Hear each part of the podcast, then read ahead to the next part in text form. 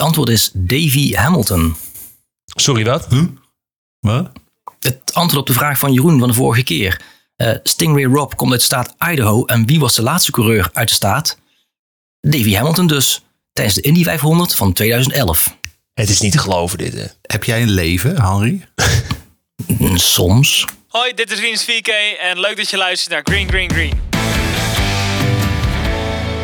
Ja, eindelijk was het dan zover. Na maanden wachten was daar afgelopen zondag de seizoensaftrap van het IndyCar-seizoen. En na een uiterst mager voorgerecht... Hey, is dit niet de F1-referentiebel? Ja, ik gooi hem er meteen maar eventjes in. Eh, het was een zwaar spektakelstuk in de straten van St. Petersburg. Tijd om daar even lekker over na te praten. Dit is aflevering 35 van... Green, green, green, green. We're four wide going into turn number one.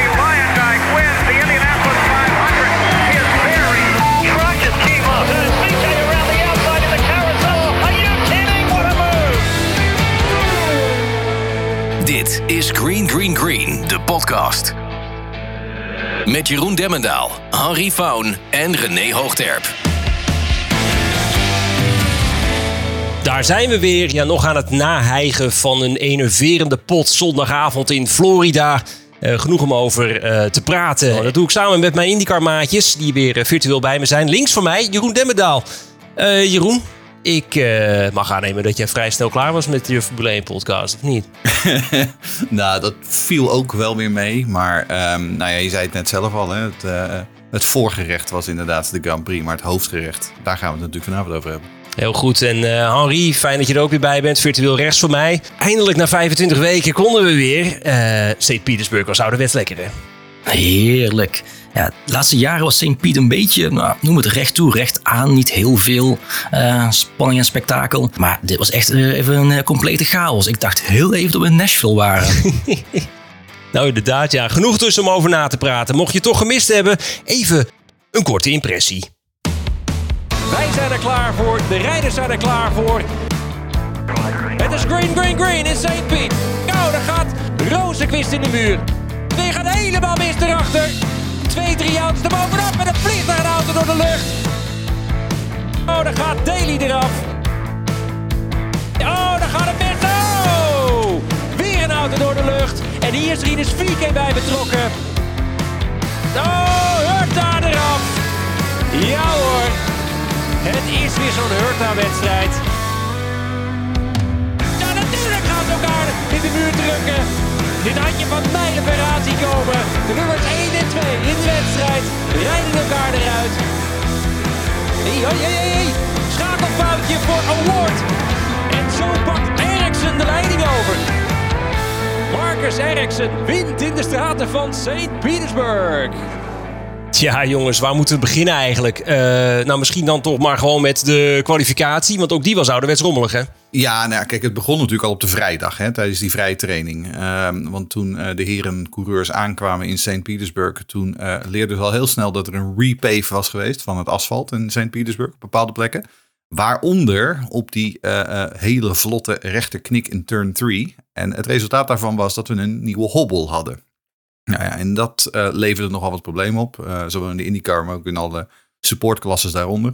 Ehm, nou, normaal gesproken ga je daar gewoon zonder problemen vol gas doorheen. Eh, dat bleek nu toch iets lastiger. Dus als gevolg daarvan hadden we een aantal coureurs die vooral daar de muur raakten. Ehm, Scott McLaughlin had een paar momentjes. Eh Newgarden raakte de muur in beide trainingen.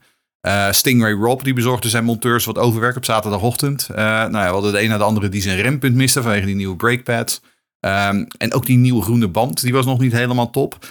Maar wie er wel netjes tussendoor slalomde, dat was Rinus 4K.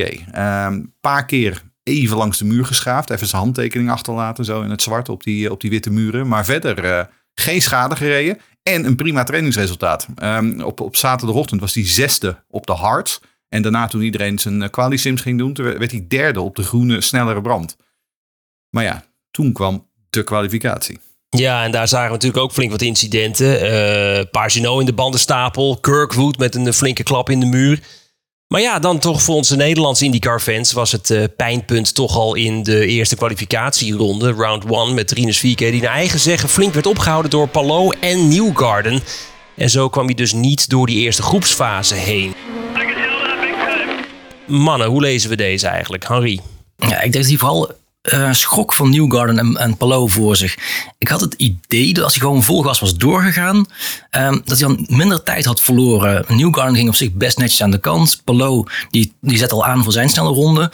Ehm, dus ik denk dat er meer in had gezeten sowieso. Maar ik denk ook aan de andere kant dat als hij niet was opgehouden of geen gas had teruggenomen, hij alsnog niet was doorgegaan naar de volgende ronde. Ik had idee dat zijn, zijn rondetijd daar toch niet snel genoeg voor was. Nou ja, het lijkt mij buiten kijf staan dat hij werd opgehouden. Al is het maar vanwege dat mentale aspect. Hè. Ehm, je hebt toch opeens twee, op een, op een vrij krap deel van de baan heb je opeens twee auto's voor je. Je zit in een snelle ronde. Eh, Je gaat daar toch mentaal in, in je achterhoofd rekening mee houden. Dus je gaat, al is het maar eh, eh, ehm, subconsciously, ga je gewoon van je gas af.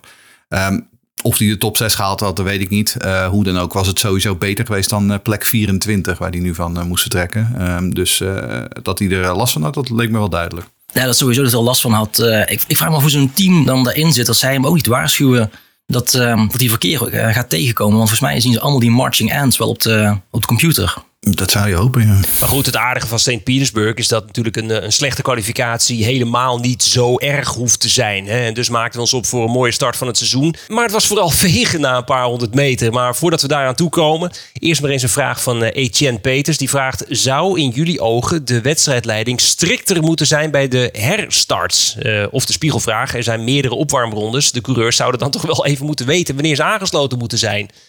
Ja, ik ben het wel met eh, Etienne eens. Het ziet er toch wel eh, vaak wat knullig uit. Eh, in Long Beach, daar ga je het helemaal zien natuurlijk. Een soort harmonica-effect eh, vanuit die laatste herpin.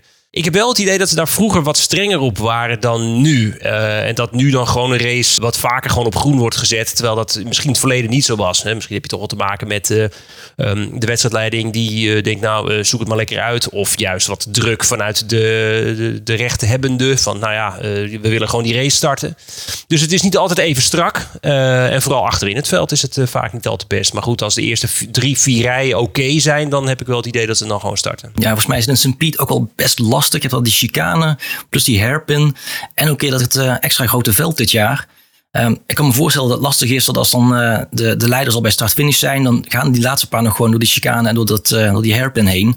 Eh, andere jaren waren ze iets strakker in, maar ach, ik, ja, voor het spektakel maakt het uiteindelijk, ja, ik denk zelfs misschien zelfs een beetje veiliger is als het al een beetje uit elkaar ligt voor de eerste bocht. Ja, want je moet toch niet hebben dat je een startcrash krijgt of zo. Nee, poef, moet je niet hebben. Dan dus de start waar Dixon en Rozenquist elkaar raakten. En eh, nou, toch een behoorlijke kettingreactie veroorzaakte. Het complete team van Meyer Shank Racing eruit. Het team van AJ Foyt eruit. En daarnaast nog veel meer slachtoffers. En vooral Peterson die een enorme klap maakte in de zijkant van de Francesco. Nou, we waren meteen wakker hè Jeroen? Ja, kunnen jullie, eh, hè, eh, nu, nu zijn we allemaal oude mannen onder elkaar. Kunnen jullie die Grand Prix van België in 1998 nog herinneren?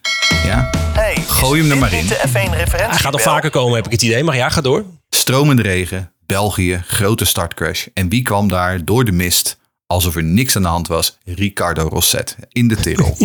Ah, wie, wie, vroeger, hè, wie vroeger al Formule 1 keek, die, die kent dit beeld, want dit kennen we allemaal.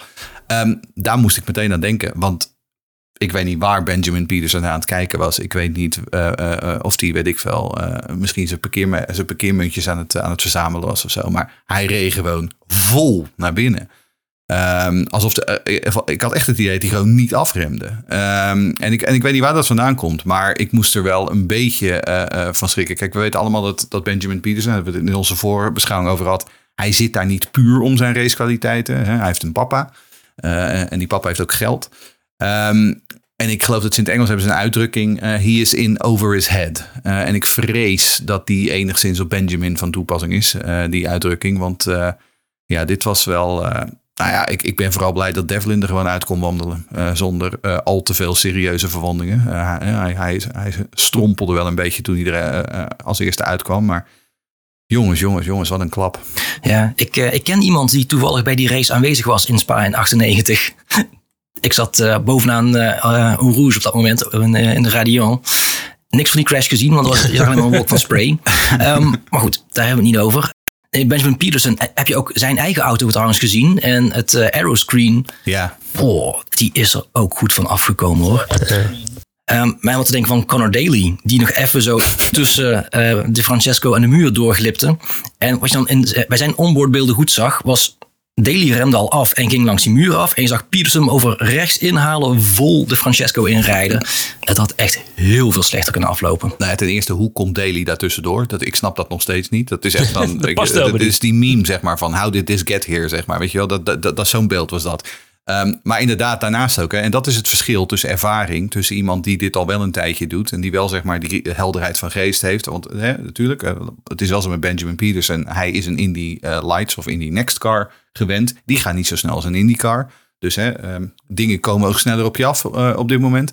Ehm, ja, het, is, het, het, het was een hele dure les wat dat betreft voor Benjamin Peterson. En ik gok dat papa wel weer even extra de portemonnee mag trekken om de, de rekeningen te betalen bij, bij Voigt. Want ja, we hadden wat vragen ook eh, van, eh, via Twitter van wat is de totale schadepost? Nou, qua ehm, eh, het bedrag weet ik niet. Maar ik heb gehoord dat het alleen voor Andretti al uh, 700.000, 800.000 dollar was. Ja, er zijn heel veel vragen binnengekomen. Leuk natuurlijk. eh, niet zo gek ook als je zo'n enerverende openingswedstrijd hebt. Heel veel vragen natuurlijk ook over die startcrash. Uh, onder andere van Remco van Eldik. Die ook even de hashtag beste IndyCar podcast voor Nederland lanceert. Nou, dank daarvoor. Hij vraagt... Uh, hoeveel G-krachten moet een IndyCar kunnen weerstaan? Nou, ik hoor iets technisch, dus ik geef graag het woord aan Henry.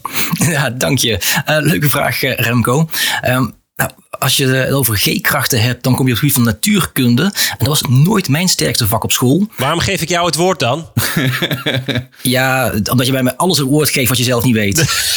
Heel goed, ja. Ik heb even bij een expert uit de auto-industrie uh, navraag gedaan. Uh, noem het een, uh, een crash course.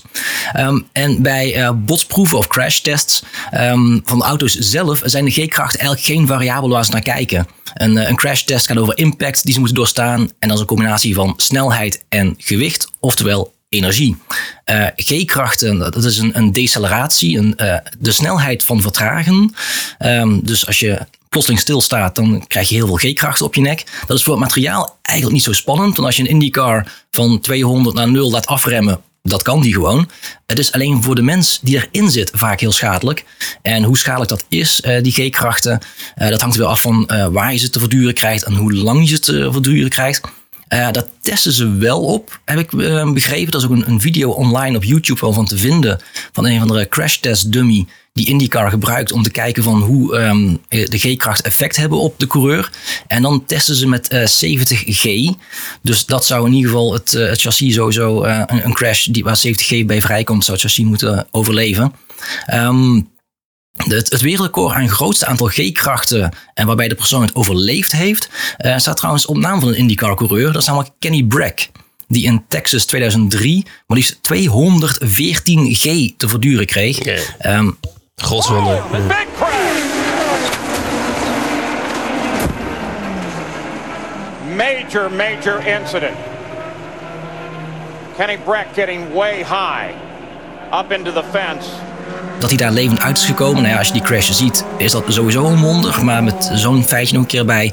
Ja, um, ik denk dat uh, Kenny Brack uh, alles en iedereen wat uh, aan IndyCar veiligheid werkt, nog elke dag heel dankbaar is. En hij heeft nog steeds een, een, een limp, hè? Kenny Brack, als je hem tegenwoordig tegenkomt. Hij is, nog, hij is er nooit helemaal 100% gezond uitgeko uitgekomen. Hij is wel testcoureur voor, voor McLaren, voor, voor, de, voor de straatwagens. Dus dat doet hij wel. Dan een mooie baan trouwens. Beetje sportwagens testen de hele dag. Maar um, het is een beetje net als met Rick Mears. Rick Mears zie je ook heel vaak uh, op, uh, op slippers rondlopen. Omdat dat gewoon comfortabeler is voor zijn voet. Omdat hij in 1984 een keer een hele zware crash heeft gehad. Waarbij eigenlijk alles beneden zijn knieën helemaal verbrijzeld is. En dat hebben ze stukje voor stukje weer bij elkaar aan elkaar gelijmd. Rick Mears is natuurlijk uh, voor de nieuwe IndyCar-kijker een groot, groot, groot oud kampioen. Hè? Viervoudig Indy 500 winnaar. Een van de grootste namen. Um, maar de trouwe luisteraar weet dat natuurlijk nog uit onze IndyCar 101, waarin we alle legendes hebben doorgesproken. Um, maar we hebben nog een vraag hierover, want Geert Hopma die wil weten, na die crashes te hebben gezien, hij, uh, valt het hem op dat die auto's niet zo uit elkaar lijken te knallen als in de Formule 1. En hij zegt, zijn deze auto's nou zoveel steviger gebouwd of was het mazzel? Um, nou ja, IndyCars zijn inderdaad steviger gebouwd dan de Formule 1. Um, ze zijn ten eerste een stuk zwaarder. En ze moeten hardere klappen kunnen weerstaan. Uh, en dat is dan niet zozeer op een baan als St. Pete, waar de snelheden niet zo heel hoog liggen. Maar waar liggen die wel hoog? Nou, waar we eind deze maand of begin volgende maand naartoe gaan. De Super Speedway van Texas. En natuurlijk Indianapolis. Want daar ga je 370, 380 km per uur gemiddeld. Ja, als je dan opeens, eh, zoals Henri zegt, opeens op nul staat. Ja, dan moet je wel hele grote klappen kunnen weerstaan. Dus ja, IndyCars zijn inderdaad wat dat betreft eh, ontworpen om zwaardere klappen als Formule 1 wagens eh, te weerstaan. Sven Brandsma die vraagt zich af: is de indeling van dit circuit nog wel geschikt voor een IndyCar race? Gezien de, gezien de spectaculaire, maar ook gevaarlijke crashes? Of is dit gewoon part of the IndyCar game, Henri? Nou, volgens mij was het wel eh, de meest chaotische speed eh, sinds jaren, of misschien wel ooit zelfs. Eh, andere jaren wilde echt wel reuze mee. En ook in de afgelopen drie jaar reed toch met precies dezelfde auto. Ehm, ik denk dat het nu vooral lag aan dat, dat nieuwe asfalt tussen bocht 3 en 4. Dus misschien dat ze daar volgend jaar naar kunnen kijken of daar nog iets aan te veranderen is. Of die hobbel weggenomen kan worden op een of andere manier. Meestal gebeurt dat niet, maar goed, dan zijn ze ieder geval voor volgend jaar gewaarschuwd. Maar volgens mij is er verder niet structureel iets mis met St. Piet. Kijk, over Nashville kun je misschien een andere discussie voeren. Maar St. Piet is voor mij helemaal oké. Volgens mij zeiden we het nog in de uitzending ook van, uh, we konden natuurlijk wel de editie van 2020 herinneren. Wat natuurlijk een vreemde race was, op dat, op dat het opeens de seizoensafsluiter was. Maar toen reden we 26 rondjes achter de pacecar. En toen was de Civic, die had geen peut meer. ik weet eerlijk gezegd niet eens hoeveel rondjes we achter de pacecar reden. Want het, het kan, me, kan me voorstellen dat het niet eens zo heel veel minder waren dan dat we in 20 hebben. Dat ergens op een lijstje staan, een papiertje bij iemand. Nee, maar ik weet wel, uh, Callum Islet en Marcus Armstrong, die maken samen een podcast. Die, die kwam eerder vandaag uit. En daarin had Callum Islet, uh, die vertelde dat hij op een gegeven moment over de radio aan Junkos vroeg uh, of hij per uur betaald kon worden. omdat hij zo lang achter de pacecar rondreed. Daar kon ik dan wel weer erg op gniffelen. Ik zal het ook eens vragen, maar dat terzijde. Jesse Noordermeer die heeft een, een, een andere vraag. Waar kwamen al deze crashes vandaan? Komt dit door de hoeveelheid coureurs, de kwaliteit van sommige coureurs of iets anders? Want St. Piet is volgens mij niet een baan waar zoveel crashes gebeuren. Nou ja, ik denk dat het aantal coureurs er zeker wel voor zou kunnen zorgen dat we vaker dit seizoen klappers kunnen zien. Uh, maar, wat, maar als we dan naar dit specifieke voorbeeld uh, kijken. Ik denk dat we bij de, wat we bij de start zagen, dat dat eigenlijk overal wel kunnen gebeuren. Het was een knullig contact tussen Rozenquist en Dixon. Daar, daar begon het eigenlijk mee. Daar zat absoluut geen opzet in. Rozenquist die moest dan heel rustig aandoen. Die had natuurlijk een half kromme auto. En dan net die bocht 3 in, wat een blinde bocht is. Iedereen gaat dan opeens in de remmen. Uh, ja, dan, dan ontstaat dit dan wel gewoon. Uh, ik moet ook eerlijk zeggen, het was eigenlijk ook voor de rest niet een hele harde crash. Totdat Peterson vol in de, de Francesco hing. Alles wat daarvoor was, dat was ook weer niet zo heel, heel, heel, heel spannend. Uh, Grosjean en uh, McLaughlin waren gewoon twee heethoofden op dat moment. Daar komen we zo natuurlijk wel op. En met Power en, uh, Hurta, dat geldt eigenlijk wel hetzelfde. En aan de andere kant, je zou kunnen afvragen... Ja, het was ook wel weer gewoon een halfjaartje IndyCar rijder af. Hè? Dus ze kunnen ook een beetje roestig zijn misschien. En het is ook niet helemaal nieuw hè, dat het in turn 3 fout gaat. dat hebben we in voorgaande jaar wel vaker gezien. niet alleen in IndyCar, maar ook daaronder. Vorig jaar had je bijvoorbeeld in de USF 2000 een hele grote startcrash daar, waarbij er drie of vier uh, in de muur hingen. Dus wat je zegt, het is een blinde bocht. Het is gewoon een lastige bocht. En als je daar als coureur in gaat, dan moet je dat even in je achterhoofd houden. Van, hè, er kan om het hoekje altijd uh, wat stilstaan opeens. Ja, en dit jaar ging het helaas gewoon fout. Um, en dan krijg je dus wat, we, wat we allemaal zagen in ronde 1. Robin komt nog met een heel goed punt. Um, hij zegt: iedereen vraagt nu om veiligere circuits en strengere regels en straffen. Zijn jullie het hiermee eens? Uh, dit maakte juist de race zo goed. Dit is het verschil met Formule 1, waar ze juist te veel regels hebben. Ik heb juist genoten van de, van de drama. Nou, heel goed, Robin. Wij ook. Uh, Jeroen? Ja, nou, exact dat. Dit is dus waarom je naar IndyCar kijkt en niet naar Formule 1. Um, het is hetzelfde als met dat eeuwige gemiep in de Formule 1 over track limit. Uh, daar doen we hier ook niet aan. Um, en dat is gewoon waar ik heel erg blij van word. Uh, je, je kunt een sport helemaal kapot reguleren. Uh, er was op een gegeven moment ook nog iemand, daar gaan we het zo natuurlijk over hebben. ja, komt er nog een staartje van het incident tussen Grosjean en McLaughlin? Nee hoor, echt niet. Ja, wat, weet je wat af en toe nog wel eens gebeurt? Onze, onze grote vriend Arie Luijendijk, vriend van de show, um, die af en toe die is natuurlijk steward. En af en toe is die dingen op de baan ziet gebeuren waarvan je denkt, hey, dit gaat fout. Wat hij dan doet, dan zoekt hij ze even op. Dan gaat hij, hij zegt, dan ga ik even met ze zitten. Dan ga ik even met ze praten. En dan, hey, ik zag dat je dit en dit deed. Volgende keer even nadenken, even niet doen, even wat anders. Want anders, volgende keer ga je een straf krijgen. En dat wil jij niet, dat wil ik niet. Ja. Dus er wordt heel veel op die manier, op een hele diplomatieke manier, wordt er heel veel opgelost, zeg maar. Um, en ik, ik heb altijd gevonden dat de Formule 1 kan daar een hoop van leren. Want ik vind vooral dat in de Europese raceklasses, ook in de Formule 2, ook in de Formule 3 er wordt een hoop kapot gereguleerd. Uh, en, en lang niet altijd ten goede. Zo is dat. En dan hadden we dus een code rood. Uh, hadden we vervolgens dan na een pacecar, konden we eindelijk dan weer los. En hadden we geen beeld bij de herstart. Eh, Vincent van der Hoek die heeft daar een vraag over de zogeheten World Feed die IndyCar en NBC de wereld instuurt. Hij vraagt, het valt me op dat er de laatste twee, drie jaar best vaak technische problemen zijn met de World Feed. Is het niet een beetje amateuristisch? Eh, ja. en wat zou er moeten ge- gebeuren om dit te verbeteren? En bonuspunten voor het commentaar geven van een live timing screen. Nou goed, dat...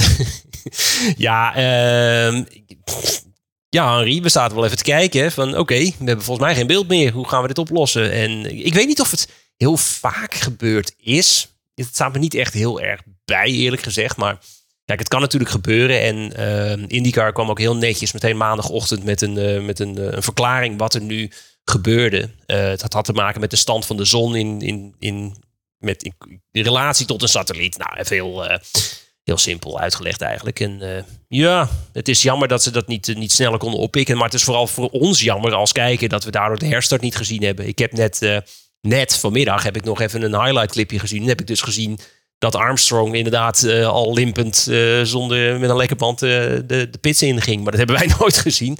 Dus ja, nou ja. Vaker in St. Piet ook. Ik kan me ook een andere keer herinneren dat je ook een keer eh, de tijd moest volpraten over eh soort van achtergrondbeelden met het Dali Museum. En dat ik je toen eh, informatie over de plaatselijke VVV heb doorgestuurd van is het Dali Museum. En dan kun je mooie schilderijen bekijken. En- Nou, het was ook, ehm, het waaide ontzettend hard dit weekend in St. Piet. Er stond een ontzettend sterke wind. Ehm, want zoals jullie weten, ik volg ook de, de, de, de klasse onder de IndyCar een beetje. En ik sprak de commentator daarvoor, Rob Howden. En die zei, hij zegt, we zitten zeg maar bovenop de hoofdtribune in een hokje. Hij zegt, jongen, het is niet te geloven. Hij zegt, ik, moet echt vasthouden aan mijn, aan mijn klapstoeltje, zeg maar. Hij zegt, wat we zeggen, eh, af en toe heb je echt het idee van, nou, voor waar gaat het zo om? Ehm, en ook zij hadden ehm, op de vrijdag eh, een hoop problemen met, met het goed krijgen van hun feed, zeg maar, voor de livestream. Dus ik heb het idee dat de, productietrucks eh, eh, er flink aan moesten trekken om alles eh, ehm, in goede banen te leiden dit weekend. Ik heb trouwens nog een eh, ander antwoord gevonden. Oké, en welk antwoord? Het is eh 26. Wat, wat- Het aantal ronden achter de safety car. Ah, we hebben weer 26 rondjes eh Ja, achter de weer pace 26. Hartstikke goed, dankjewel. Noteren we. Ja. Eh, Andretti. Ja, nou, Andretti eh, had het, leek een heel goed weekend te hebben. Hadden een hele goede kwalificatie. Toen met Grosjean op pole. eh, reden eh, allemaal vooraan. Eh, nou, leek het eenmaal in de pocket te hebben. En toen viel Kirkwood weg. Toen viel Hurta weg. Toen viel Grosjean weg. En, en Thijs eh, merkte ook op. eh, dus Michael Andretti had een fantastisch weekend. Acht auto's samen in de IndyCar en in de Indy Next. Waarvan er één een nou, enigszins normale wedstrijd had. Handel McElroy. Ik ben benieuwd wat de schadepost is. Nou, ik heb even met de accountant van Andretti gebeld om te vragen wat de precieze kosten waren. Eh, die stelde toen vervolgens twee wedervragen aan mij. Eén, wie ben jij? En twee, wil je met je eigen zaken bemoeien? Ehm, dus ehm, nou, ergens dus tussen de, tussen de half miljoen en zeven ton aan schade. Ehm, de monocoque, ofwel de tub, zoals dat in Amerika dan noemen, van de Francesco, die was helemaal nieuw voor dit seizoen, maar kan meteen naar de schroot. Ja, het is echt een flinke kostenpost. Ehm, en ook die andere schade was wel aanzienlijk. Eh, bij Hurta viel het mm, misschien nog een beetje mee. Ehm eh, Kirkwood die natuurlijk een, eh, een, sprongetje maakt. Grosjean die ook wel flinke schade had. Nee, zeker geen lekker weekend voor Michael Andretti. En die is al zo hard aan het sparen voor een entry fee voor een andere raceklasse volgens mij. Dus dat kan die echt niet gebruiken. En alle kleine beetjes helpen, dat weten we. Ehm, en die, over kleine beetjes gesproken, ja, die Indy Next Race, dat was ook een dure aangelegenheid. Want die Hunter McElroy, die, ja, die had inderdaad op zondag had hij een, had hij een redelijk goede race. Kwam, kwam als enige en heel netjes aan de streep als vijfde. Maar die reed op vrijdag in de allereerste vrije training echt meteen ook weer in turn 3. Is een hele auto kort eh, aan de linkerkant. Ehm, dus dat was al een, een chassis waar eh, een hoop aan gerepareerd moest worden. Nou, dan hadden we Louis Foster, die had de pole, maar die raakte de muur op zondag. Eh, James Rowe had een technisch probleem. En Jamie Chadwick, die was er ook. Laten we het erop houden dat hij een, een, een nou, vrij steile leercurve heeft. Eh, ze stond eigenlijk het hele weekend vrijwel onderaan in de tijdlijsten. Eh, en in de race verbruikte ze drie voorvleugels. ehm, waarbij de laatste dus blauw was in plaats van geel-rood eh, in DHL kleuren. Want ze was door de eigen voorvleugels heen. En dus moesten er eentje lenen van James Rowe. Ehm, dus ja, Michael Andretti. ehm, ik geloof dat clipje, een van onze volgers deelde dat clipje wa- waarbij René commentaar gaf. En dan precies op het juiste moment dat beeld van Michael Andretti aan de pitmuur. Ja, stuur hem een bloemetje als je wat, eh, als je wat over hebt, want eh, hij kan het gebruiken. Goed, ja, dan eh, ja, de race van Rinus. eh, waar de snelheid er duidelijk wel in zat. Eh, hij uiteindelijk ook wel netjes gewoon naar voren kwam zetten. Maar uiteindelijk wel de race eindigde in de bandenstapel. Eh, veel vragen over binnengekomen met Gillian en De Vrijs. Die een, beide een soortgelijke vraag stellen. Eh, ze stellen, iedereen weet dat Rinus kan sturen. Maar de crash van afgelopen weekend kwam knullig over. Je ziet dat Islet en Newgarden eh, een Newgarden laat gaan en vijfde wordt. Waar Rinus twee ronden eerder lang, eh, te lang risico neemt en in de muur eindigt. Had hij hier wat aan kunnen doen? Oftewel plek teruggeven of Newgarden geen plek geven. Ja, natuurlijk had hij hier wat aan kunnen doen. Maar dat is heel erg makkelijk achteraf. Dat is natuurlijk het hele spelletje. En Rinus weet het natuurlijk ook als geen ander dat het misschien anders had moeten zijn. Eh, ik kan me wel voorstellen, maar goed, dat is natuurlijk een aanname, dat hij wel een beetje gefrustreerd was met alles wat er daarvoor gebeurde eh, in de kwalificatie. En dat hij natuurlijk wel de opmars had, maar voor je gevoel gaat het toch altijd toch wat te langzaam. Eh, nou, je bent nooit te ervaren om wat te leren. hè. Ik bedoel, zelfs een Scott Dixon had een niet-Dixon momentje bij de start met Rosenquist. Dus het kan de beste gebeuren. Ja, nou, zo is het ook. Ehm, maar het, het zijn terechte vragen. Want ook Jelmer Tilstra die wil het even over dat momentje van Rinus hebben. Ehm, hij vraagt, het is misschien erg vroeg in het seizoen, maar toch de vraag, is Rinus 4K te wisselvallig? Zouden we niet minder fouten van hem mogen verwachten? Ehm, en Jelmer zegt ook, als je te vaak excuses nodig hebt om je mindere prestaties uit te leggen, is dat ook niet goed. Want succes moet je afdwingen. Ehm, nou, ik zou inderdaad willen zeggen, het is inderdaad wel erg vroeg in het seizoen eh, om, om na de eerste race dit soort conclusies te trekken. Ehm, ik denk niet dat Rinus zelf zozeer heel wisselvallig is, maar ik denk vooral dat ECR heel wisselvallig is. Ehm, ik vind dat nog steeds dat de bandbreedte eh, qua ECR eh, en het verschil tussen de goede banen en de slechte banen is veel te groot. Eh, dat moet veel dichter bij elkaar zitten. Ehm, dat gezegd, hij maakt inderdaad soms nog wat foutjes. Maar ja, dan is, komt er ook de vraag natuurlijk, wat is de definitie van te vaak? Eh, want Rinus maakt ze in mijn optiek niet meer dan anderen. Eh, afgelopen jaar waren het er wel geteld twee. ehm, eh, in Detroit en op Portland. Maar het komt ook andere hoog aangeschreven coureurs nog wel eens over.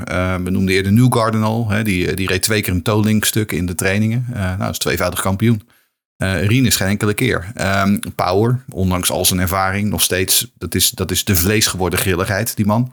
Eh, zullen we het misschien even over Colton Hurta hebben? Als we het hebben over grilligheid. Ehm, weet je, fouten maken hoort bij de racerij. En zeker in een moeilijke auto als een IndyCar. En voor op zo'n stratenbaan, ja, dan weten we gewoon dat een klein foutje funest kan zijn. Zoals dit in dit geval wel bleek. Hè. Je komt even op de marbles en je bent gezien. Maar, zoals eh, eh, René net ook al zegt, wees gerust. Degene die het meest kritisch op Rinus is, dat is Rinus zelf. En zo is dat. Robin die vraagt zich nog af, is het eh, vaker voorgekomen dat een paar IndyCar-rijders vliegles hadden in dezelfde wedstrijd? Henry. Nou, we hebben volgens mij wel heel geregeld gezien dat eh, auto's gingen vliegen, ook op stratencircuits. Ehm, zowel met eh goede als iets minder goede afloop. Ehm, ik kan me zo 1, 2, 3 even geen specifieke races voor de geest halen waarin er meerdere zware ongelukken waren met auto's van de grond. Ehm, Vliegende auto's op straatcircuits vind ik sowieso nooit heel prettig om naar te, naar te kijken. Eh, ik vind ook de risico's op een straatcircuit een stukje groter. Ehm, ik herinner me nog een crash ooit in, in eh, half jaren negentig eh, van Jeff Krosnoff. Die, nou, dat, Ach. dat is wel maar niet meer over hebben. Ja, Ehm, zeggen, maar dat ja. gaat altijd even door mijn hoofd als ik op een stratencircuit een, eh, een crash zie met, eh, met auto's die, die, die de lucht ingaan. Eh en, en vraag ook maar aan Dario Franchitti, die natuurlijk zijn carrière beëindigde na een, eh, een crash in Houston. Toen de hek invloog. Nee, dus eh, Ja. eh, ik ben blij dat het allemaal goed is afgelopen. Ehm, en ik hoop, hoop het niet al te vaak meer te zien. Nee, dit zijn eh, geen YouTube-tipjes, wat mij betreft. Ehm, kijk, ik kan ook nog wel wat. Voor mij, Vancouver had altijd er hier nog wel een handje van ook, zeg maar. Om af en toe nog wel eens wat auto's te zien vliegen. We hebben ooit nog een aanrijding gehad tussen, voor mij, Fittipaldi en, en Michael Andretti in de vroege jaren negentig. Dat was in de, pit, in de pitstraat in Long Beach. Dat was, ook, dat was er ook nog wel eentje waarbij de een over de, de, de achterband van de ander ging. eh, met alle personeel in de pitstraat. Het is inderdaad, het is altijd al zo krap. Eh, en als ze dan gaan vliegen, nou ja, wat ik zeg, eh Krosnoff is natuurlijk het alleruiterste. Maar ook, eh, ook, ook minder serieuze ongevallen zijn, eh, zijn nooit mooi om te zien. Nou, we hebben het toch over ongevallen. Dan gaan we van het ene incident naar het andere. Eh, Grosjean en McLaughlin. Waarbij eh, bij de eerste pitstop McLaughlin brutaal de leiding overnam. En zo probeerde Grosjean dit terug te pakken bij de Nieuw-Zeelander. En dat eindigde dus in de bandenstapel. Tom Plamp die komt eigenlijk met de vraag. Het was prachtig om te zien dat McLaughlin en Grosjean met elkaar de banden inreden. Het was, het was prachtig om te zien dat... Nou goed, wie zat er volgens jullie fout in dit incident? Eh, had Grosjean meer geduld moeten hebben? Of was dit de enige echte kans die hij had om McLaughlin op koude banden in te halen? Nou, mannen. Ja, ik zat hier wel een beetje op te wachten op deze vraag. Ehm want mij werd namelijk al tijdens de race eh, via Twitter verteld dat René en ik het oneens waren. Oh ja? Veertie, veertie, Ehm, veertie. maar goed, toen hoorde ik gisteren jouw commentaar en ik vind dat dat heel erg meevalt. Want eh, jij, zegt, na- jij zei het namelijk en ik tweette het. Je zag dit van mijlenver aankomen. Ehm, je, je zag gewoon dat dit fout ging. Ehm, op het moment dat ze allebei op die manier, eh, dat uh, McLaughlin uit de pitstraat komt, je ziet gewoon dat dit fout gaat. Ehm, kijk, en wat ik vervolgens deed, ik omschreef het incident als vintage Grosjean. En dan vanwege, vooral vanwege die poging om buitenom eh, eh, in te halen in turn 4. Kijk, nou weet ik wel, Scotty Mac heeft na afloop de schuld op zich genomen. ehm, heeft gezegd, ja, ik remde te laat op koude banden. Maar Grosjean had wat mij betreft ook wel wat beter mogen weten. Ehm hè, Rinus, goed voorbeeld. Iedereen die daar op de marble zit, die gaat meteen, meteen eh, de banden in. Je kunt daar helemaal niet inhalen op die manier.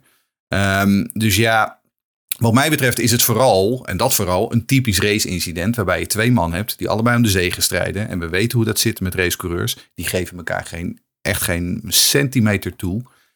En ja, hè, eh, we weten hoe het werkt. Eh, als je allebei weigert toe te geven, dan eindigt het in een tranendal. En dan vervolgens hoor je allemaal gehuil over de radio van Romain Grosjean. En no, no, no. Ja. En wij hebben weer eh, mooie televisie. Nou, absoluut. Nee, dat, dat is het natuurlijk wel. Hè. Het is natuurlijk wel een. Eh, als dit een, eh, een, een, een, een, voorbode is wat we gaan krijgen, dan lijkt me dat, eh, dat helemaal goed. Maar kijk, even terug naar het incident. Kijk, het, McLaughlin was hier wel in mijn ogen de enige die echt het contact maakte. Eh, als McLaughlin gewoon op het punt had geremd, wat op dat moment eh, natuurkundig mogelijk was met die harde band, dan was Grosjean er natuurlijk wel voor geweest. Maar eh, ik, ik vind het juist mooi dat dit gebeurde, eerlijk gezegd. Ehm, eh, want het feit dus dat Grosjean zo in gevecht was om de leiding in de wedstrijd, dat geeft dus ook aan dat Andretti er weer bij staat. En dat is precies wat we willen hebben, denk ik. Ja, kijk, als je aan de, aan, de, aan de buitenkant al zit, dan is het een verstandige optie om je verlies te nemen. Er zijn twee woorden met een V, verstandig en verlies. En die staan volgens mij niet in, het, eh, in de grote eh, coureursencyclopedie. Daar staan alleen bij de V vol gas en victory lane. En, en zeker bij Grosjean. Ehm, maar als ik hem probeer terug te halen, volgens mij met de druk die Grosjean McLaughlin eh, zette. Ik weet niet of McLaughlin überhaupt die bocht had kunnen houden. Ehm, ook als Grosjean ietsjes eerder nog eh, gas had teruggenomen of eh, een, beetje zijn verlies had genomen. Volgens mij was McLaughlin zo hard gewoon rechtdoor gestoven die banden in. Dat hij alsnog daarmee de weg ging blokkeren voor Grosjean. Dat contact was volgens mij altijd geweest door de actie van McLaughlin. En daarmee vind ik McLaughlin iets meer fout. Ehm, en en ehm, pleit dat Grosjean misschien een beetje vrij. En ik kan me heel goed voorstellen dat hij het probeerde zo aan het einde.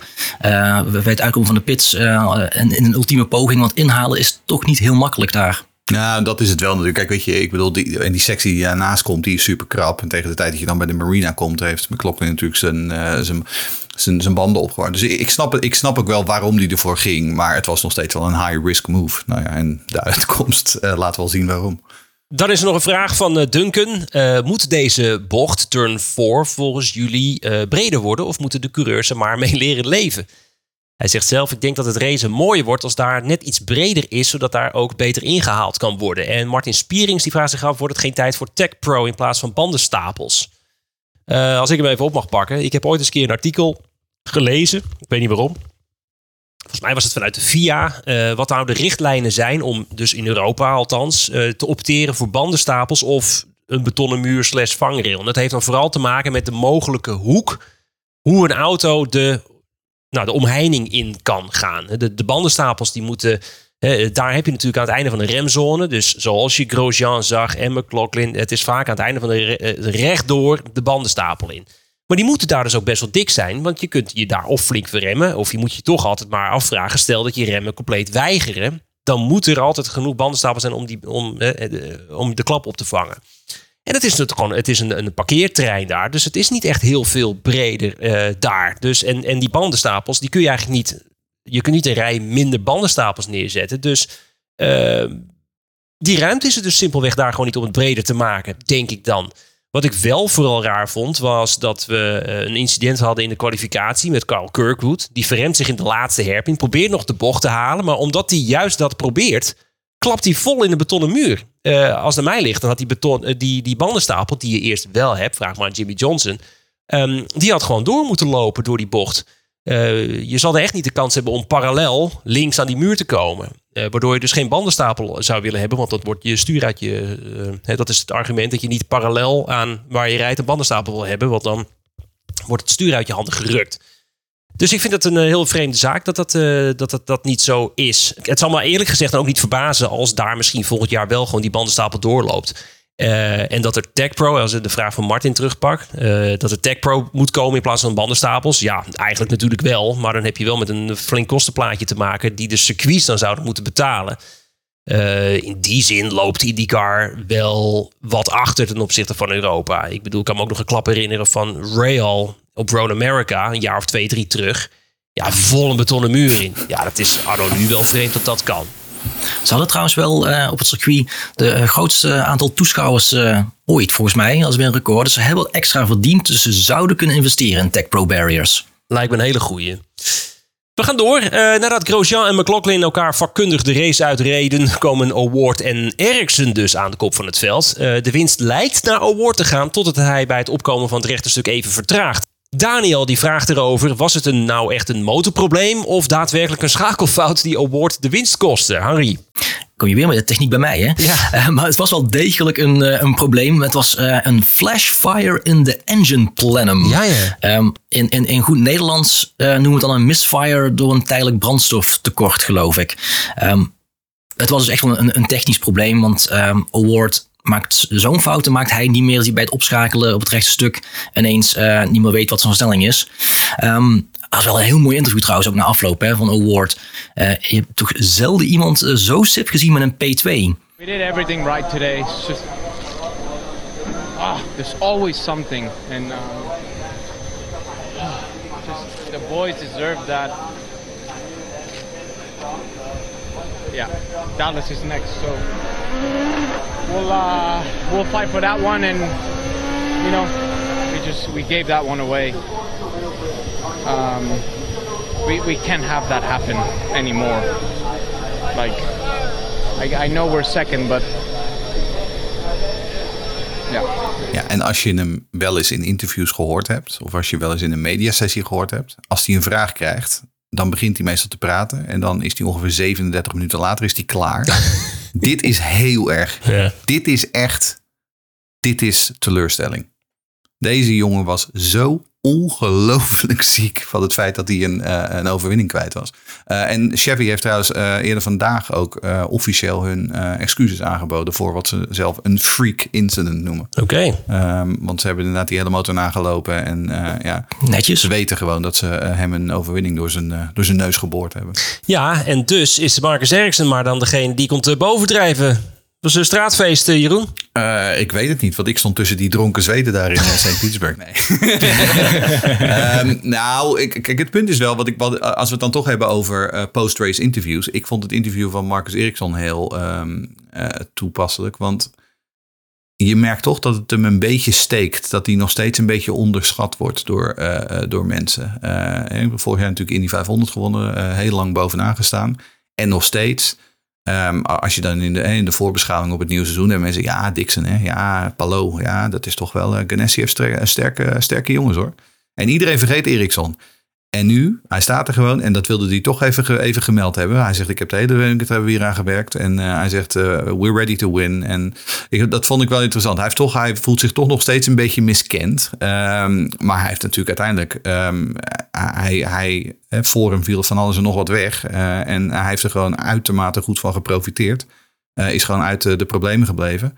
En ja, als je dat dan inderdaad vergelijkt met een Palo, die toch wel een beetje kleurloos zeven of achtste wordt, dan denk ik van, nou ja, ehm, ik had ik gezegd ook wel wat meer van Palo verwacht. Eh, maar uiteindelijk is het toch een Eriksson die met de overwinning er vandoor gaat. Eh, ja, en we weten hoe het zit hè, met Chip. Die, eh he likes winners. Hmm. Ja, en dan meteen even de statistiek nerd bij, te, bij uit te hangen. In de laatste 30 races heeft Marcus Ericsson op één na de meeste races gewonnen. Alleen Joseph Newgarden won iets vaker in die tijd. Ehm, en als je nou eens een keer kijkt vanaf de Indy Road Course race van vorig jaar, dan hebben sindsdien alleen Ericsson en Power de stand in de kampioenschap aangevoerd. Dus hij zit er gewoon iedere keer wel heel goed bij. Tuurlijk, dat eh, aanvoeren van het kampioenschap was mede dankzij de dubbele punten toen nog van de, de Indy 500. Maar toch, ja, hij, toch wordt het iemand om, eh, om rekening mee te houden. Absoluut, absoluut. Ik, had, ik las ook nog een ander grappig feitje. Alle vierde overwinningen die Marcus Eriksen dus nu behaald heeft, die zijn behaald na een code rood situatie. Dus als het gewoon rommelig is of chaos is, nou dan moet je je, je geld inzetten op Marcus, want dan komt het eh, helemaal goed. Eh, Jeroen, er is een wat meer algemene vraag binnengekomen van Menno. Ja, Menno die wil weten, zouden de rijders niet DNF moeten krijgen als er externe hulp nodig is? Hij zegt, ik sta met verbazing te kijken als een coureur na 50 ronden achterstand weer de baan oprijdt. Of dat ze op de baan nog even de auto uit de banden halen, hem weer aanzetten en de coureur weer vrolijk doorgaat. Ja, hier spreekt de Formule 1-fan uh, die uh, IndyCar ontdekt heeft en die denkt van, hé, hey, maar dit is gek.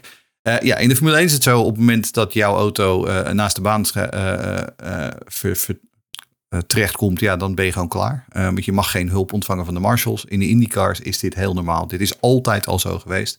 In de IndyCar, uh, de safety crew, um, die komt met hun mooie, geweldige Chevy Silverado pickup truck aankomen. Die halen de starter van de pick-up dek af. En die starten gewoon je auto weer. Um, en dan mag je, afhankelijk van de schade die je hebt, mag je weer jezelf weer terugslepen naar de pit. Um, zo werkt het nou eenmaal in IndyCar. Um, wat natuurlijk hierbij ook meespeelt, um, en dat gaat dan om waarom ga je met 50 ronden achterstand nog de baan op? Iedereen krijgt punten. Nou, hebben we het in onze voorbeschouwing wel eens over gehad, zeg maar. Is dat nou wel de juiste manier? ik zou graag terug willen gaan naar de top 12, uh, uh, die alleen punten krijgt, zoals dat vroeger ook was. Um, maar het kan wel degelijk lonen uh, en er kan wel degelijk een verschil in zitten uh, of je 23ste of 19e wordt. Um, want als er voorjaar nog een paar uitvallen en jij kan vervolgens alsnog een paar plekjes goed maken, dan kan dat gewoon nog een paar puntjes schelen. En als we toch de vergelijking maken met Formule 1. Bij Formule 1 hebben ze dan hele voetbalvelden aan asfalt uitloopzones om te voorkomen dat, dat je permanent uitvalt. Ja, bij IndyCar helpen ze je gewoon even op gang als je in het gras staat of in het grind staat. Um, op die manier hou je toch uh, voldoende auto's in de race. En ik denk dat uh, dat, dat gewoon goed is. Ja. Absoluut. Uh, komt er nog een, was er nog een algemene vraag van Tanisha. bij een herstart gebeurt het regelmatig dat er positiewisselingen plaatsvinden voor de race weer op groen gaat. Inderdaad, dat had afgelopen zondag natuurlijk ook. waar baseert de wedstrijdleiding dat op? naast eventuele straffen. Ik begrijp dat nog steeds niet helemaal. Harry? Nou, dat kunnen twee dingen een rol spelen. allereerst als er een caution uh, uitgeroepen wordt, dan kijken ze naar de onderlinge posities bij de laatste tijdlijn voor die caution. Um, dus dat is niet alleen bij start-finish, maar ook bij alle tussensectoren, mini-sectoren. Dan gaan ze kijken van nou, wie reed nou voor wie op het moment dat die caution werd uitgeroepen. En het kan zijn dat je net met een inhaalactie bezig was op het moment dat die caution wordt uitgeroepen. Um, nog wat pitstops tussendoor komen. En dan gaan ze daarna het, veld uh, uh, reshuffelen. Want dan gaan ze kijken van, oh wacht even. Uh, weet, ik, ik veel, Palou zat voor Dixon op het moment dat die um, caution werd uitgeroepen. Dus dan moeten we die volgorde herstellen. Het kan ook, en dat is de tweede variant, te maken hebben met de pit exit line. Bij de uitgang van de pits, daar ligt een, een lijn op de, op de grond getekend. En die loopt ook over het rechte stuk. En in principe, als er zowel over het rechte stuk wordt gereden als door de pits, uh, degene die als eerste bij die lijn is, die heeft de positie. En dat zag je afgelopen weekend bij Dixon gebeuren. Uh, die reed net na, uh, wie waren het allemaal, McLaughlin, Grosjean, O'Ward en Ericsson over die lijn door de pits. Maar doordat de pitsuitgang in St. Piet een kortere lijn is dan de eerste bocht, kwam die eigenlijk als eerste weer op de baan. En toen hebben ze teruggekeken naar die pit exit line en ze hebben gezien van nee, op het rechte stuk waren McLaughlin, Grosjean, Award, Ericsson al voorbij die streep toen Dixon er overheen ging. Dus werd Dixon een paar plekken teruggezet. Nou, en uiteindelijk was Dixon daar uiteindelijk wel mee eens. Uh, als we toch een klein, klein YouTube-tipje tussendoor kunnen krijgen, is het nu een goed moment om Paul Tracy en Elio Castroneves er even bij te halen? Paul Tracy won de Indy 500. Ja, precies, precies. Oftewel drievoudige, drievoudige winnaar uh, Elio, toch? Ja, dat was wel een gestolen overwinning van Helio. Oh, ja. Daar kunnen we bijna een special over maken. Daar even, kun je bijna een special over maken. Even voor, ja. de, voor de, waar hebben we het over? Uh, een van de overwinningen van Elio Castroneves was... Uh, ja, was het discutabel? Was het nou een caution? Was die inhalactie nou ingezet? Was die inhalactie compleet? Was het, nou goed, uh, dus die eerste reden die Henri net opnoemde, dat kan ook wel eens echt van heel cruciaal belang zijn als het uh, in de absolute slotfase is van uh, in dit geval ook nog de grootste race van het jaar. Dus het, dat kon nog wel wat stof doen opwaaien. Goed, um, Ramon Kok wil weten. De race was best wel een chaos. Nou, dat is een understatement. Maar wie zijn nou de positieve en negatieve verrassingen volgens jullie? Kijk, dat is leuk. Goeie vraag. Jeroen. Positief, absoluut Junkos. Ehm Callum Islet, vijfde. Ehm, gewoon echt uit het boekje. Echt uitstekend. Eh, geen, geen stap eh, ver- verkeerd gezet.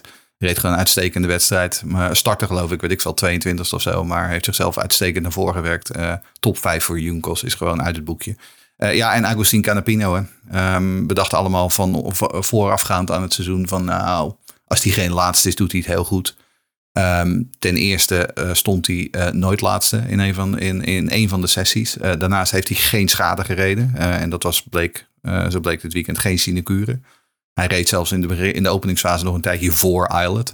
Ehm, nee, ik vind dat Canapino een uitstekende wedstrijd heeft gereden. Is uiteindelijk 12 of 13e geworden. Wat natuurlijk gewoon eh, echt, echt prima is. We hebben hem één keer rechtdoor zien schieten. Of Ja. tenminste net niet. Maar ik heb nooit wat van gezien. Maar ik zag opeens een flits. "Eh, maar dat was maar het ook daarbij geen schade. Hè? Nee, precies. Geen schade. Gewoon netjes weer eh, terug de baan op. eh, Zonder enige problemen. Ehm, en het is zo'n heerlijke vent. Hè? Ik weet niet of je dat interview na afloop met hem gezien hebt. Eh, wat, eh, het verhaal gaat dus. Dat, dat kwamen we tijdens de mediadagen achter. Toen zei hij van ja, drie, drie maanden geleden. Toen sprak ik nog geen Engels. Ehm, want hij, ging, hij was zich namelijk aan het voorbereiden op een nieuw seizoen touring cars in Argentinië. En toen kreeg hij een telefoontje van Junkos. En toen dacht hij, ja, maar als ik naar Amerika ga, dan moet ik wel Engels leren. En toen heeft hij een, een language coach heeft hij in handen genomen. En daarmee heeft hij zich, nou ja, het is een beetje gebroken Engels, maar hij kan zich prima verstaanbaar maken. En het is zo'n vriendelijke, sympathieke vent. Eh, ik, heb wel een, eh, ik heb een nieuw favoriet gevonden hoor, met Canapino. Ik vind het mooi. Dus dan gaan we het toch weer over IndyCar memes hebben. Maar die had ook een mooie meme erover. Van dat Takuma Sato rijdt al 38 38 jaar. En spreekt nog steeds geen Engels. En Canapino doet gewoon even in drie maanden. Ja, heerlijk. Ja, mooi vent. Ja, mooi echt heel fijn. Ehm, maar goed, wie viel er dan negatief op? Ehm, ik moet zeggen, ik vond Rail Letterman Lanigan Racing heel erg tegenvallen. Ehm, en dan vooral Graham Rahal. Eh Graham Rahal eh, was eigenlijk het hele weekend nergens. Ehm, is uiteindelijk door heel veel ehm, eh, uitvallers is hij toch gewoon nog 60 geworden. Maar was gewoon, gewoon niet snel. Christian Lundgaard ging iets beter. Jack Harvey zat er ook redelijk bij. Maar ging natuurlijk vervolgens ook, was bij een van de vele incidenten betrokken. Maar we hadden allemaal verwacht, zeg maar. En nu, hè, ze hebben die nieuwe technisch directeur. Ze hebben al die eh, engineering investeringen gedaan. Ik dacht, nou, nu gaat wel het sprongetje beginnen. En, en het kwam er gewoon niet uit. Eh, dat vond, viel me heel erg tegen. Voigt was natuurlijk gewoon een tranendal. Ehm, niet alleen omdat ze allebei de auto's in de eerste ronde kwijt waren. Maar ze stonden natuurlijk ook gewoon helemaal achteraan. Ehm, ja, en, en ook Conor Daly viel me nog steeds weer niet mee hoor. Het hele, eh, het hele weekend niet. Eh, liep echt op een gegeven moment op de, vrijdag was hij geloof ik bijna een seconde langzamer dan, eh, dan Renus. Ehm, en dat is natuurlijk gewoon niet goed genoeg. Ja, wat is eh what else is nieuw met, eh, met Daly, zou je bijna zeggen. Ehm, overigens over eh Junkos is gewoon het enige team van alle teams hè, die zonder eh, schade het weekend zijn uitgekomen. Nou, kijk. Ja. Dat is wel even een applausje waard voor eh, een van de kleinere teams. Als je dan hebt over ehm, positieve eh, uitschieters. Ja, ondanks de, eh, de crash met, met McLaughlin vond ik eigenlijk Romain Grosjean ook wel heel indrukwekkend dit weekend. Eh pole position gereden. Maar vooral die eerste stint. Hoe hij zijn banden wist heel te houden. Terwijl de andere Andretti's als een baksteen door het veld naar achter vielen. Ehm, nou ja, dat had gewoon zijn eerste racewinst moeten zijn. Ehm, aan de teleurstellende kant, en kijk ook een beetje aan eh, wat normaal vooraan aan het veld rijdt. Ik vond Penske ook wel teleurstellen. Ehm McLaughlin was maar met, eh, met de hak over de sloot in de Fast Six. En had natuurlijk wel kans op een overwinning, waren het niet voor. Eh, maar Power en Newgarden speelden eigenlijk het hele weekend geen rol van betekenis. En dat, dat viel me heel erg tegen. Want Power is toch wel kampioen pole position rijden in St. Piet.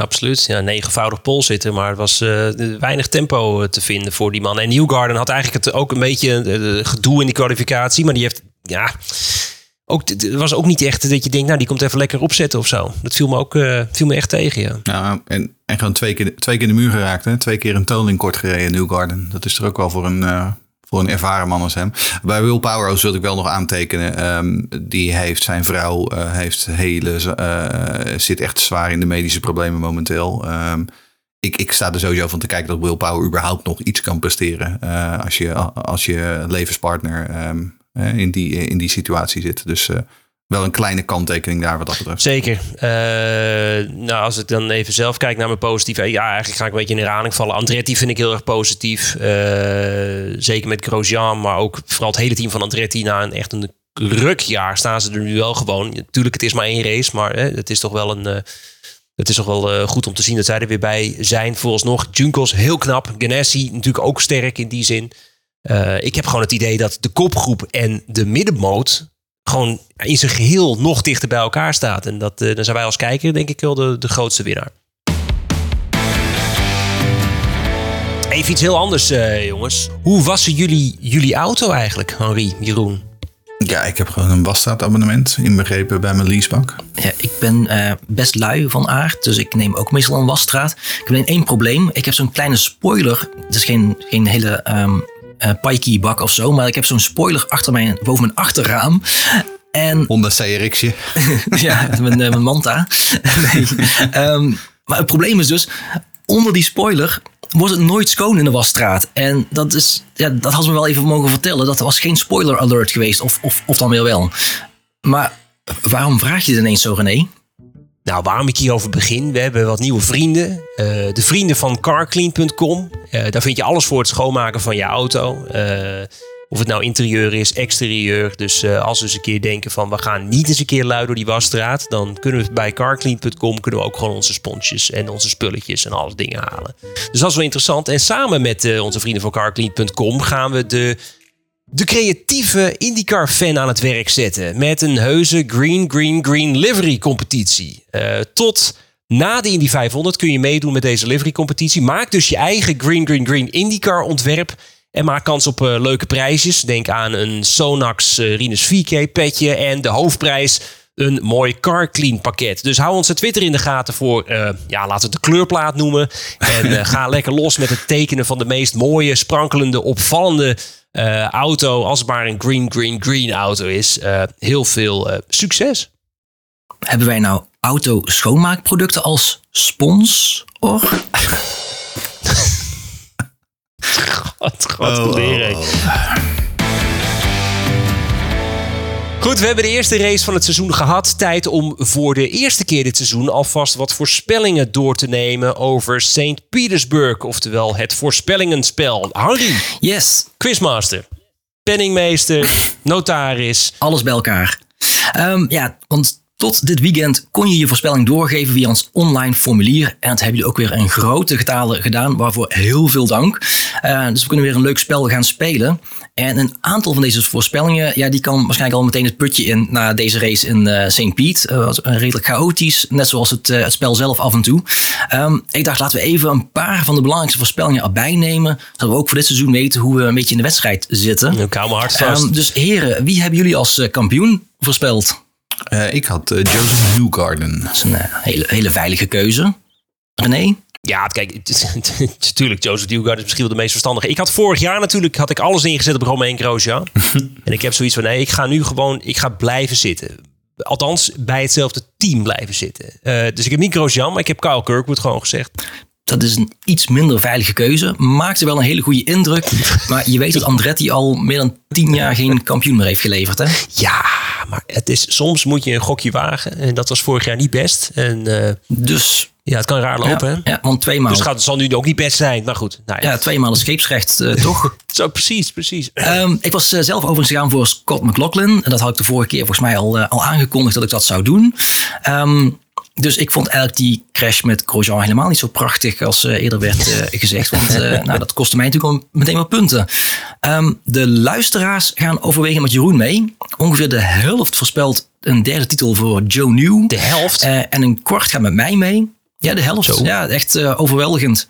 Ehm, ik denk ook na de vijf overwinningen vorig jaar dat iedereen denkt, nou, hij hoeft er maar de helft van te doen en dan, dan kan hij ook al kampioen worden als hij iets constanter wordt. Ehm, een kwart van de luisteraars ging met mij mee met Scotty Mac. Dus ehm, eh, iedereen denkt wel, of het grootste deel van, het, eh, van de luisteraars denkt wel dat het een, ehm, een strijd wordt eh, binnen Penske. Even kijken, de andere categorie die ik misschien even wil aanstippen is Rookie of the Year. Jeroen, wie had jij?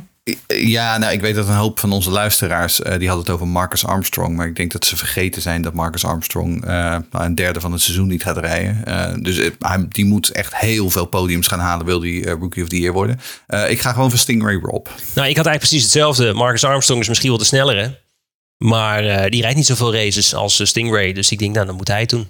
Nou, het publiek en ik zijn toch die kant van Marcus Armstrong opgegaan. Ehm, hij rijdt dan misschien wel een deeltijdseizoen. eh, maar volgens mij gaat hij gewoon een paar podiums pakken. Eh, En ik begreep afgelopen weekend zelfs dat Sato heeft alleen een contract voor Texas en Indy. Dus het zou zomaar kunnen eh, dat Armstrong ook nog meer ovals gaat rijden. En dan is die keuze voor Armstrong kan hem misschien nog beter uitpakken. Wat overigens opvalt, of misschien nou, vooraf aan het seizoen was het niet zo opvallend, maar inmiddels wel. Er heeft helemaal niemand in het spel voor Canapino gekozen. Echt gewoon nul luisteraars. En je weet hoe dat vorig jaar uitpakte met nul luisteraars die voor Will Power als kampioen hadden gekozen. Dus Kan raar lopen, ja. het kan raar lopen. Dus wie weet eh, zien we straks ineens Canapino als eh, Rookie of the Year. Ja, ik zou ervoor tekenen hoor. Ik vind het helemaal goed.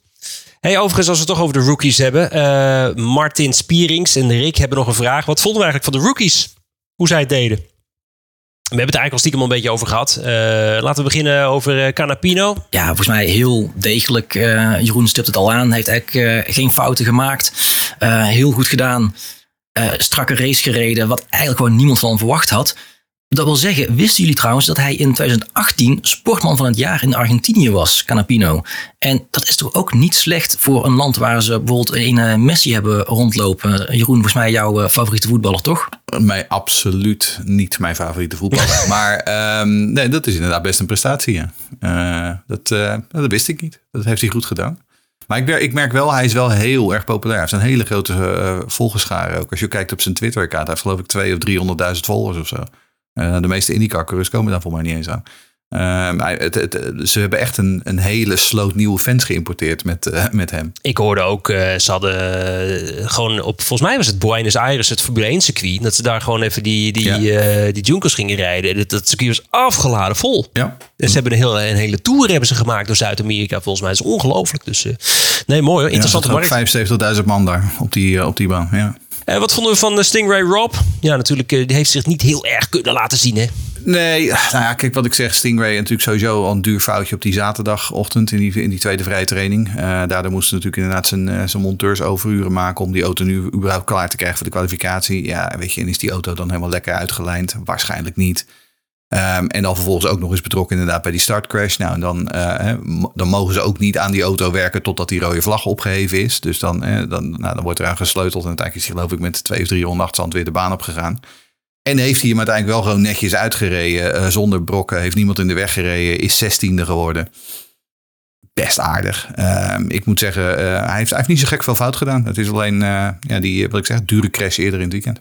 Ja, hij moet gewoon eh, meters maken. Ik denk dat het voor eh, Stingray Rob nog te vroeg is om daar echt iets over te zeggen. Ik bedoel, als je Rinus op zijn eerste race had beoordeeld, dan eh, was het ook niet heel eh, Ja. positief geweest natuurlijk. Nee, nou, zo is het ook. Zo is het ook. Eh, Armstrong, eh, ja, buiten beeld dus een lekker band gehad.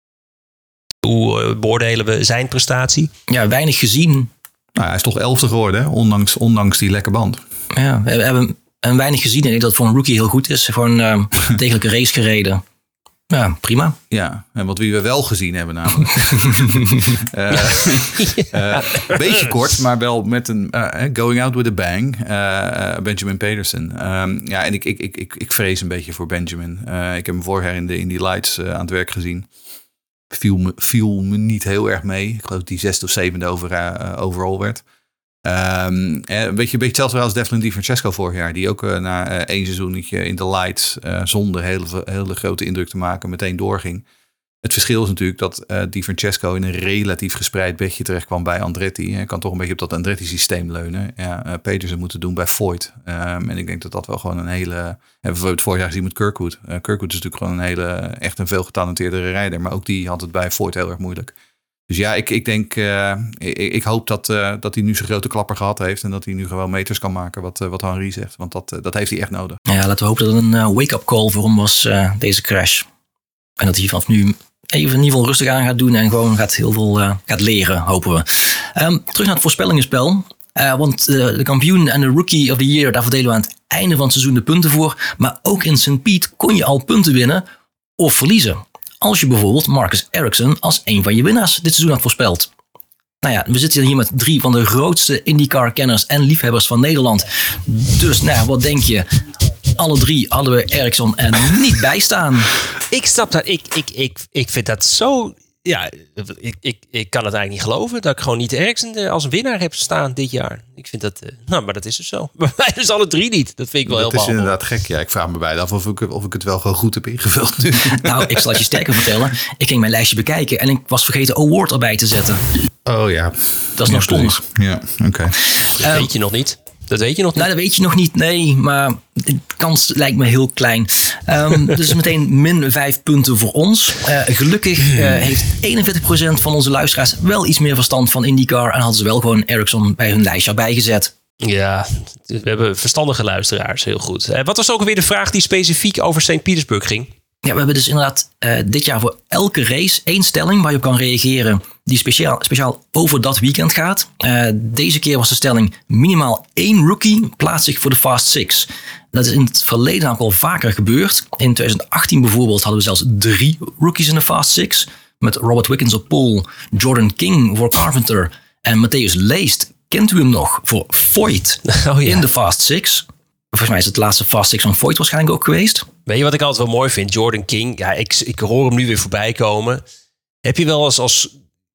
Gewoon als je informatie wilt zoeken over Jordan King. Dat is vrij lastig om hem te googlen. Dan kom je namelijk gewoon bij de koning van Jordanië uit. Dus dat, dat is echt heel lastig. Maar goed, dat even tussendoor. Waarom zou je informatie willen googlen over Jordan King? Omdat ik in 2000... eh, wanneer- zei je? 2018? eh, moest ik wel wat vinden over Jordan King. En omdat René Hoogterp een hele grote Rich Energy fan is. En Jordan King werd gesponsord door Rich Energy. Ja, oh, daarom ben je baard aan laten groeien. Ehm, maar goed. Eh, andere jaren is het ook nog wel eens een keer gebeurd. Rosenquist, eh, die was ook bij zijn debuut eh, op St. Piet in de Fast Six. Ehm, maar dit jaar eh, hadden we geen rookie in de Fast Six. En dat hadden wij ook alle drie heel goed voorzien. Heel goed voorzien. Ja, echt heel goed. Maar ja, zo slim waren we nou ook wel niet. Want 80% van onze luisteraars dacht ook dat dat niet zou gebeuren. Oh. Ehm, en inderdaad, geen enkele van de vier rookies hadden ze in het laatste kwalificatiedeel. Iedereen er 50 punten bij. Kijk, heel goed. YouTube kijktip.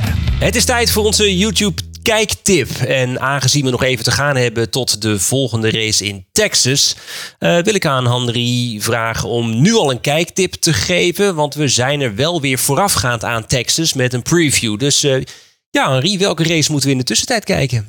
Nou ja, is dat te, te denken, eind februari was de laatste race op de Auto Club Speedway in Fontana. eh, zoals we die nu, of tot nu toe kenden. Eh, dat was een NASCAR race. Nou, daar gaan we verder niet over. Maar wel die baan van twee mijl, die gaan ze nu slopen en een korte oval van maken. Dat is natuurlijk een doodzonde. Want ik had eigenlijk stiekem altijd gehoopt dat IndyCar een keer zou kunnen terugkeren. Zeker als je even die spectaculaire laatste IndyCar race van 2015 terugkijkt. Eh, 250 ronden, drie, vier dik naast elkaar, op millimeters van elkaar. Eh, ja, ik heb tijdens die race het puntje van mijn stoel versleten. Ehm, maar het was eigenlijk ook wel een beetje gekke werk. Pack racing. Volgens mij is het ook een van de laatste pack races geweest die er was. Was ook wel wat commentaar op. En anderen vonden het weer helemaal geweldig. Ehm, nou, oordeel vooral zelf. Je kunt het vinden op het YouTube kanaal van IndyCar. This is absolutely awesome. This is about as good as it gets in terms of IndyCar racing. Great racing just shows you the quality of the drivers running this close together. Lap after lap, but no yellow. En ik had nog even bonus nerd alert trivia bij. Achter de hoofdtribune van Fontana, de Auto Club Speedway, ligt een staalfabriek. En in die staalfabriek is de climax van Terminator 2 opgenomen. Dus mocht je denken, ik heb nog een, kijk- een kijktip nodig die niet met racen te maken heeft, dan kun je ook gewoon Terminator 2 gaan kijken. En heb je toch iets quasi race gerelateerd. Nou, kijk aan. Goed. Hey, dat doen we helemaal. Mooi. Hey, de aftrap van het IndyCar seizoen 2023 is geweest. Zoals gezegd, pas op 2 april aanstaande is de volgende wedstrijd op die ontzettend snelle oval van Texas. Eh, we zijn er even daarvoor weer met een voorbeschouwing op die race en de daarop volgende race in Long Beach. Eh, dan nog even een agendatip verder, want op 18 maart eh, hebben we nog de 12 uur van Sebring. Met daar natuurlijk ook veel oud, huidig en potentieel nieuw IndyCar materiaal wat daaraan deelneemt. Eh, volg ons in de tussentijd op Twitter via @indypodcastnl. En mocht je nog niet geabonneerd zijn, doe dat dan snel. En zo blijf je altijd op de hoogte van onze nieuwe afleveringen. En doe dus vooral mee met onze Green Green Green livery competitie. Jeroen, Henry, ontzettend bedankt. Eh, jij bedankt voor het luisteren. En tot de volgende. Joe. Joe.